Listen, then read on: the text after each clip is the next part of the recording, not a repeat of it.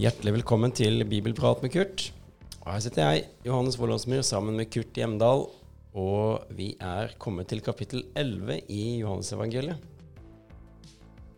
Eh, og i begynnelsen av kapittel 11 Kurt, så møter vi med en gang Lasarus. Eh, og vi møter også Martha og Maria. Og det første jeg lurer på, Kurt, hva vet vi om disse tre? For det kan virke som at dette var nære venner av Jesus. I hvert fall ut fra det Lukas skriver i Lukas 10, så er det helt tydelig at Martha og Maria representerer et vennskap hvor Jesus tar inn og blir vel tatt imot. Og Det er jo veldig interessant, for Lukas han forteller ikke noe om hvor Martha og Maria bor. Han bare sier at de fins, og at Jesus besøker dem. Så her kommer Johannes med viktig tilleggskunnskap og forteller oss altså at egentlig så har Jesus vært mye nærmere Jerusalem i Lukasevangeliet enn det som kommer til syne i beretningen. For Lukas eh, forteller ikke noe om at de bor rett utenfor Jerusalem. Det vet vi nå, fordi Johannes forteller det. De er fra Betania, landsbyen som ligger rett ovenfor Jerusalem, på Oljeberget østover. Mm. Og Så får vi vite i vers 2 her det var Maria som salvet Herren med fin salve og tørket føttene hans med håret sitt. Og så når jeg forberedte meg til denne episoden, så tenkte jeg men men eh, det, har, det, skjer jo Det har jo ikke skjedd. Så, ja, men det skjer jo i, i seinere, i, i, i, kapittel 12. Ja, ja. Ja da, Johannes er her og sin egen beretning, så han kan godt eh, skyte inn allerede nå at her kommer noe senere. Og når du kommer så langt, så skal du være klar over at det var, det var Maria det dreide seg om. Ja, jeg, jeg sa Martha. Ja, ja. Så, så, øh, så, dermed så er han bare litt forut for sin tid og, og binder beretningen sammen igjen, som han gjør hele tiden. Vi så jo akkurat hvordan han viste til den blindfødte i slutten av uh, kapittel 10 taler om Jesus som den gode gjeter. Så han krysser litt sånn og, mm. og knytter båndene i beretningen. Um, og så får vi vite her at um, de sender bud på Jesus. Uh, og det får vi bekrefta seinere òg, at de har tydelig erfart at Jesus kan helbrede. Han kan gjøre under. Um, og så sier Jesus denne sykdommen fører ikke til døden, men er til Guds ære. For ved den skal Guds sønn bli herliggjort. Dette er jo en, eh, en, en problematikk som vi har vært inn på mange ganger, Kurt. Mm. Dette med, med, sykdom og hvordan forholde seg til det. Eh, og det er jo ikke rart, for det er jo en ganske stor del av livet, eh, livene våre. Eh, og det var det den gang, og det er det i dag. Hva mener Jesus med at denne sykdommen fører ikke til døden? Altså, Lasarus dør jo, for å være helt ærlig. Ja. Og Derfor er det helt tydelig at Jesus forutsetter allerede at han kommer til å vekke ham opp fra døden. Eh, han har klart for seg hva som skal skje, og, og, og forutser også resultatet. Eh, det er veldig interessant hvis du ser sammen med kapittel 9 og Jesu ord den, om, omkring den blindfødte. Eh, verken han eller hans foreldre har syndet, men nå kan Guds, Guds gjerninger bli åpenbart på ham. Jesus ser altså hele tiden muligheter i det som menneskelig talt virker låst. Enten det er et par øyne som er blinde fra fødselen av, eller det er en mann som er døende. Eh, Gud vil åpenbare sin herlighet henholdsvis i helbredelse og i dødeoppvekkelse. ikke sant? Så, så um, Gud bruker altså det som i seg selv er negativt, og mm. Jesus forutsier det som kommer til å skje. På den mm. måten skal Guds navn bli herliggjort. Og så er det jo litt sånn eh, eh, fascinerende at Jesus, nei, Johannes legger til eh, her i vers 5 Jesus var glad i Martha og hennes søster og Lasarus. Det er, som vi var inne på helt i begynnelsen, det er tydelig at her er det et dypt vennskap mellom disse fire. Og Det er jo veldig interessant å merke seg at i det Jesus elsker alle mennesker, så hindrer det ikke at han også som menneske har spesielt gode venner, mm. som han til, gjerne tilbringer tid med. Og det er helt tydelig at de tilhører altså tydeligvis vennekretsen, mm. øh, den innerste kretsen. Vi ser jo at Jesus i synoptikerne stadig tar med seg Peter, Jakob og Johannes de tre av de tolv. ikke sant? Når han eh, mm. f.eks. Eh, i Getsemane, for, for, forklarelsen på berget, når han helbreder Jairus' datter. Eh, så det er ingenting i veien for at Jesus, som den som elsker alle, likevel kan ha noen som er hans fortrolige, mm. mer enn andre. Og det er tydelig at her hører Martha og Maria hjemme. Mm. Det som er interessant, er jo at Lukas nevner ikke at de har en bror. Så det er nytt at Lasarus er med i bildet. Og Derfor har noen ville ha det til at Lars Lasarus han må ha vært enten evneveik, eller det må ha vært et eller annet med ham siden han er så tilbakeholdende. Og, og vi hører ikke at han sier et ord, vi hører bare han er syk. Eh, jeg tror ikke det går an å trekke den slags slutninger. Men han har tydeligvis vært en del av familien, og nå er det ham det gjelder. Det er hans sykdom det gjelder. Og så um, får vi høre at Jesus han blir to dager ekstra, og så tar han til orde og sier la oss dra tilbake til Judea. Um, og så bare aller først, Kurt. Um, Lasarus var i Betania, som er i nærheten av Jerusalem. Og så får vi vite i slutten av kapittel 10 at Jesus har dratt over til den andre siden av Jordan. Og da var vi i hvilket område? Ja, Da befinner vi oss øst for Jeriko, så vi er altså en tre-fire mil fra Jerusalem. Ja, Og da også en tre-fire mil fra Betania? Ja. ja. Så et par dagers reise? Ja, det er en god vandring, og det er jo rett opp av berget. Hvis du kommer fra Jeriko, så ligger det 400 meter under jordoverflaten, eller 250 meter under jordoverflaten, og Jerusalem ligger 800 meter over, så det er jo en ganske bratt oppstigning. Så det er en, mm. en ganske krevende tur som venter. Mm. Eh, og dette, denne bestemmelsen til Jesus om å reise tilbake til Judea, det faller i litt dårlig jord, for uh, disiplene sier men, men uh, du ble jo nettopp, de ville jo nettopp prøve å ta livet ditt når du var der sist gang. Eh, og så kom i svaret til Jesus her, vi skal se litt på. Har ikke dagen tolv timer? Den som vandrer om dagen, snubler ikke. For han ser denne verdens lys, men den som vandrer om natten, snubler. For han har ikke lyset i seg. Ja. Hva mener Jesus? Mener Nei, Da spiller han jo igjen på dette med at han er verdens lys. ikke sant? Og den som vandrer i lyset og åpent vedkjenner seg hva han gjør som ikke har noen skjulte agendaer, han trenger ikke skjule seg han øh, kan tre åpent frem, for han har ikke, der er ikke noe annet enn det du ser. Det er den som har en skjult agenda, øh, som bruker mørket til å gjemme seg bak. ikke sant? For han er ikke den han utgir seg for. Og det henspiller helt tydelig igjen på motstanderne, på de jødiske lederne, som altså hele tiden øh, vandrer i mørket fordi de ikke er villige til å ta imot ham som er lyset. ikke sant? Mm. Men Jesus han vandrer åpent, så han har ikke noe å frykte. Mm. Det viser det seg jo forstått riktig at det har han på den måten at de vil ta livet av ham. Men det har han visst hele veien. Mm. Så han vet det skjer ingenting før det skal skje. Her er vi i Guds plan. Det er Gud som styrer, det er ikke, øh, det er ikke øverste prestene. Jeg tenkte på dette verset, jeg lurer på om det er i, i, øh, i forbindelse med bergprekenen, at det står at frykt ikke de som kan skade kroppen, frykt heller de han som kan kaste både sjelen og kroppen i helvete. Det finner du i Lukas 12, og, og det er helt ja. riktig. Ja. Uh, er det ikke litt det samme her? Jo, det det. Når, du vandrer, når, du vandrer, i Guds lys, så har du egentlig ikke noe å frykte fra de som prøver å skade deg. Eh, der hvor du vandrer i sannheten, så behøver du ikke være redd, for har, de kan ikke ta deg for noe. Ikke sant? Mm, mm. Det betyr ikke at du ikke kan bli utsatt for forfølgelse mm. og martyrium. Men, men, altså, den som vandrer i lyset, trenger egentlig ikke å frykte, for han er for Guds ansikt i åpent. Det er den som vandrer i mørket, som hele tiden er ille ute. For selv om han tilsynelatende lykkes her i livet, så har han et Guds oppgjør i vente som ikke er greit. Mm. Vers 11. Da han hadde sagt dette, sa han til dem, Vår venn Lasarus er sovnet, men jeg går og vekker ham. Eh, igjen, det virker sånn Jesus han først sagt at nei, han skal ikke dø, og så dør han. Og så når han dør, så sier Jesus at han har bare sovna. Ja. og det sier han vel en annen gang om den her lille piken som, som, som også dør. At du bare sover. Og det er jo den suverene herre over liv og død som taler. ikke sant? Han vet at han har makt til å reise Lasarus opp fra døde. Han har makt til å vekke den lille jenta. Eh, og folk er ikke i tvil om at døden er der, men her står mm. han som er sterkere enn døden, livets herre.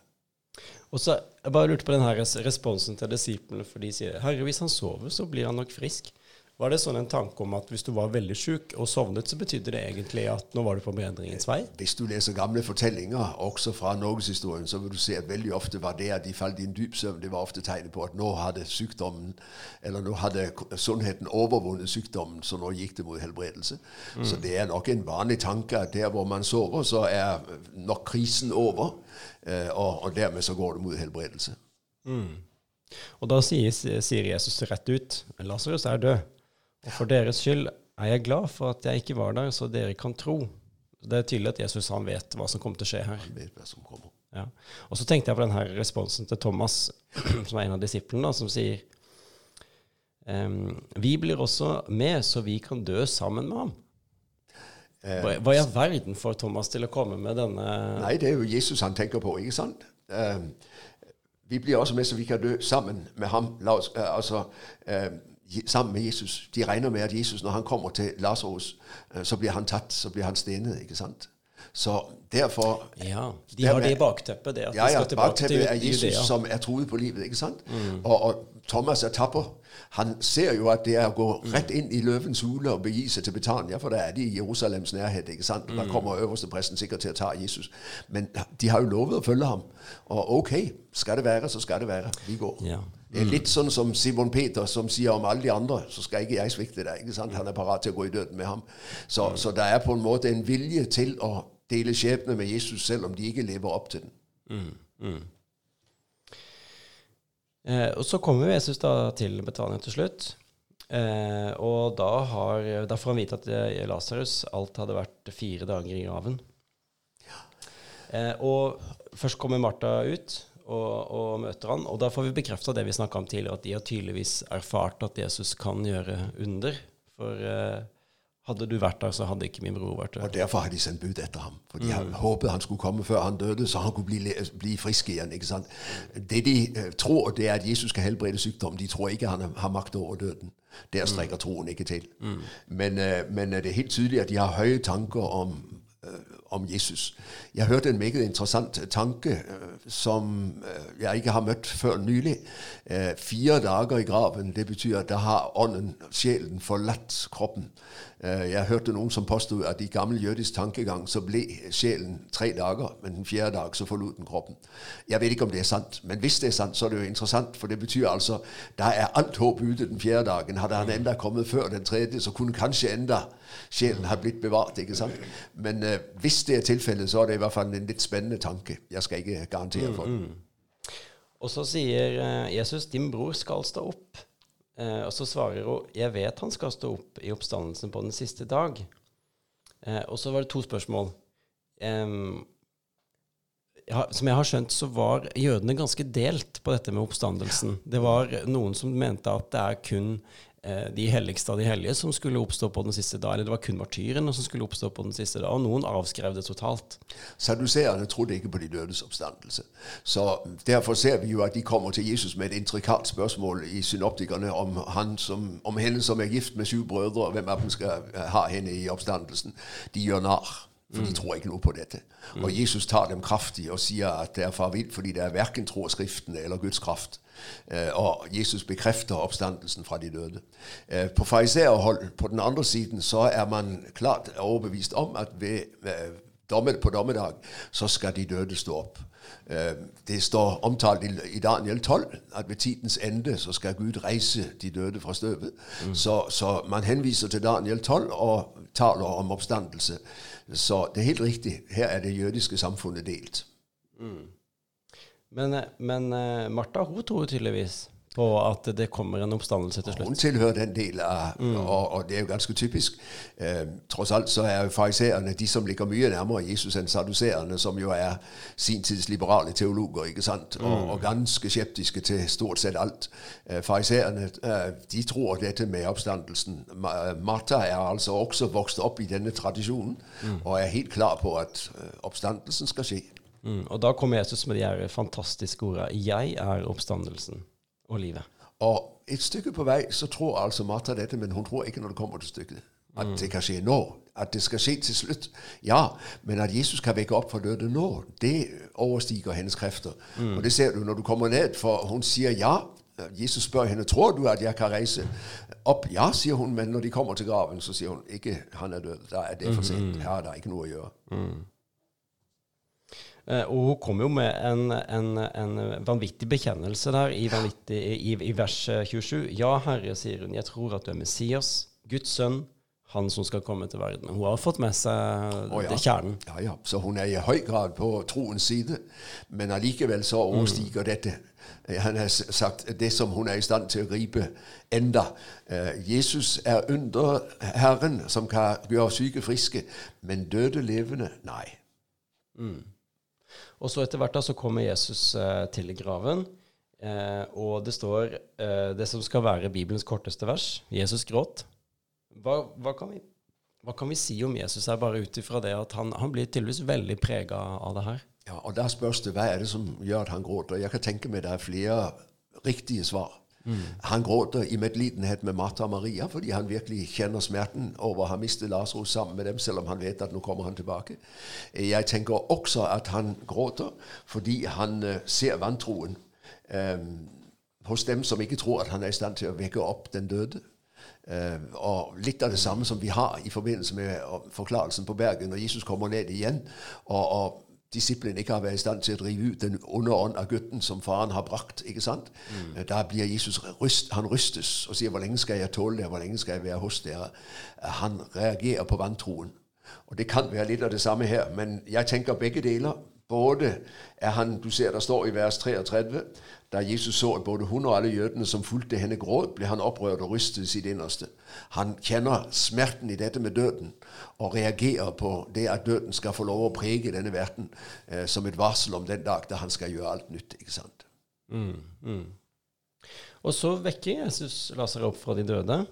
Eh, og så lurte jeg på Kurt, dette, eh, Kurt, dette er jo en, åpenbart en enorm hendelse. Ja. En, en symboltung hendelse, for her er det en som har makt over liv og død. Mm.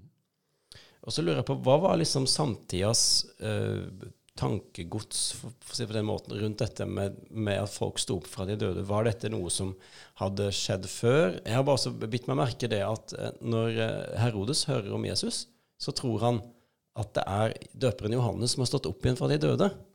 Så var, liksom, var, det, var det, noe Nei, det folk tenkte var mulig? Ja, det, det, er det. Og det er ikke hverdagskost, men det er helt klart at hvis du går til Det gamle testamentet, så leser vi både om Elia, at han vekker opp eh, kvinnen i Sarepta, enken i Sareptas sønn fra døden. Og vi leser det samme om Elisha, kvinnen fra Sjunem, som får en sønn gjennom profetordet eh, fra Elisha og mister sønnen. Og der kommer Elisha og vekker sønnen opp igjen og gir, tilbake, gir, ham tilbake til moren. Så vi har både dødeoppvekkelse i forbindelse med Elia og Elisha. To av de store profetene i den gamle pakt. Mm. Og Derfor uh, kan du si at Jesus går jo også inn i den tradisjonen når han vekker opp Lasarus. Det har faktisk skjedd før, sier Det gamle testamentet. Mm, mm.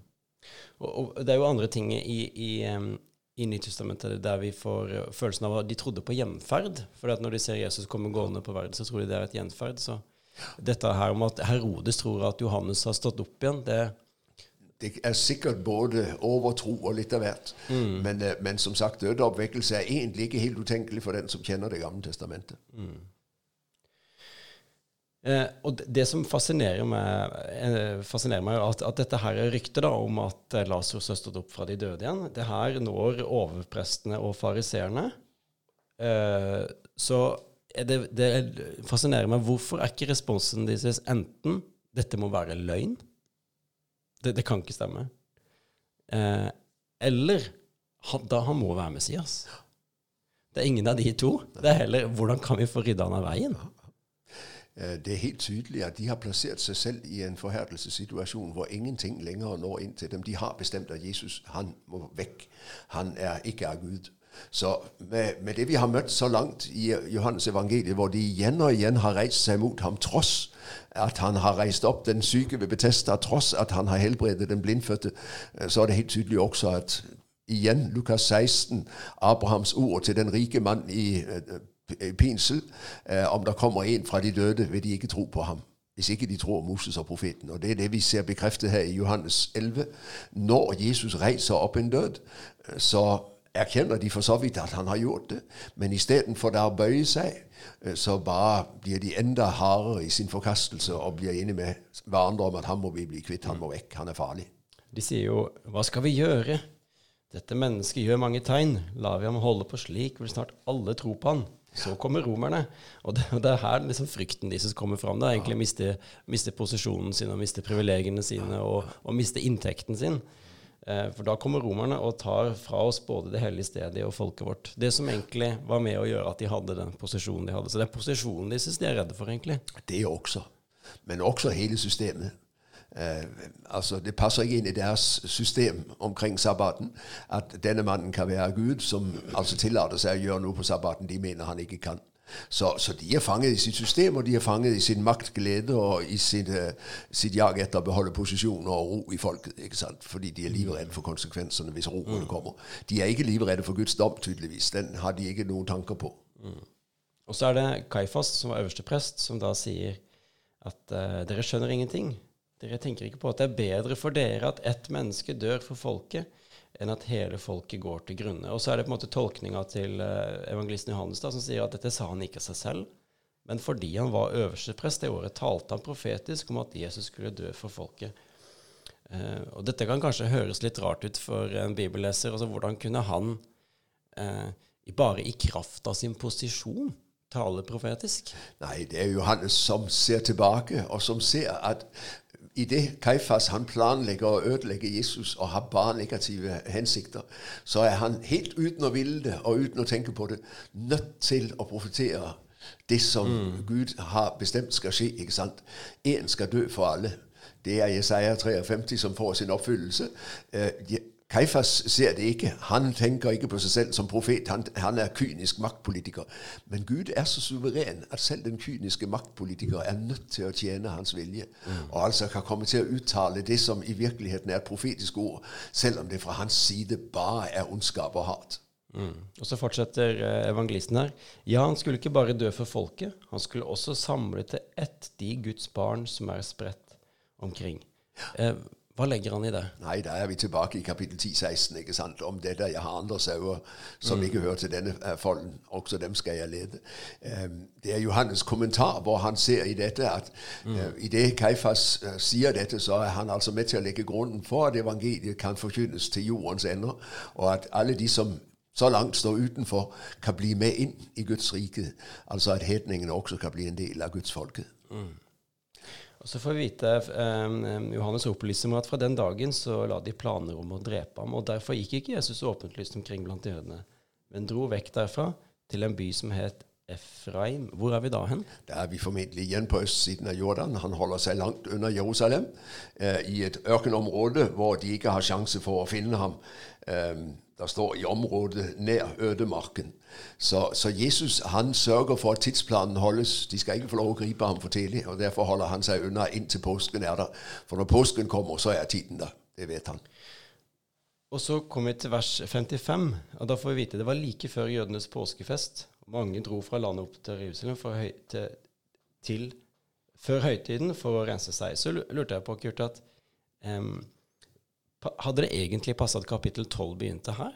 Ja, det kunne de godt ha gjort, for kap kapitlene er plassert etter beste eh, forstand av de som har satt dem, som sagt 1200 år etter Kristus. Mm. Men, men, samtidig så er det helt tydelig at her har man satt kapitlet der hvor selve påsken nå begynner å være i Altså du ser kapittel 12 vers 1, seks dager før påske kom Jesus til Betania. Mm. Så, så, man har altså besluttet at her starter det nye kapittel, nå er vi i det nye avsnittet. Alt her i kapittel 11, det er forberedelse. Vi er ikke fremme ennå. Mm. Men det er like før, ikke sant? Så vi har fulgt ham fra, uh, fra uh, løvhyttehøytiden i kapittel 7-8. Uh, øh, vi har vært et sted mellom løvhyttefesten og, og Hanukka i kapittel 9 og 10. Så kommer tempelvielsesfesten i kapittel 10 i desember. Og nå er vi kommet frem til mars-april. ikke sant? Det er like før påskehøytiden.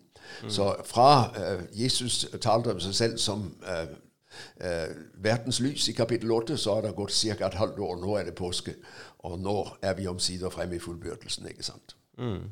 Og Ifølge evangelisten Johannes så var Jesus mange ganger i Jerusalem. Jeg får få inntrykk av det. Han er det. Han er det. Opp og ned. Opp og ned. Og, men dette er siste gang. Nå kommer han for siste gang, for nå er det avslutningen. Nå skal omsider alt uh, fullbyrdes. Slik mm. profeten har talt, slik Faderen har bestemt, slik Jesus selv er kommet for å gjøre det. Uh, for det som skal skje nå, det er Kaifas onde råd. Det er Pilatus' feighet, og det er Guds vilje. Mm. Det var kapittel 11. Eh, og da blir det spennende. Da kommer vi til påskeuka i kapittel 12.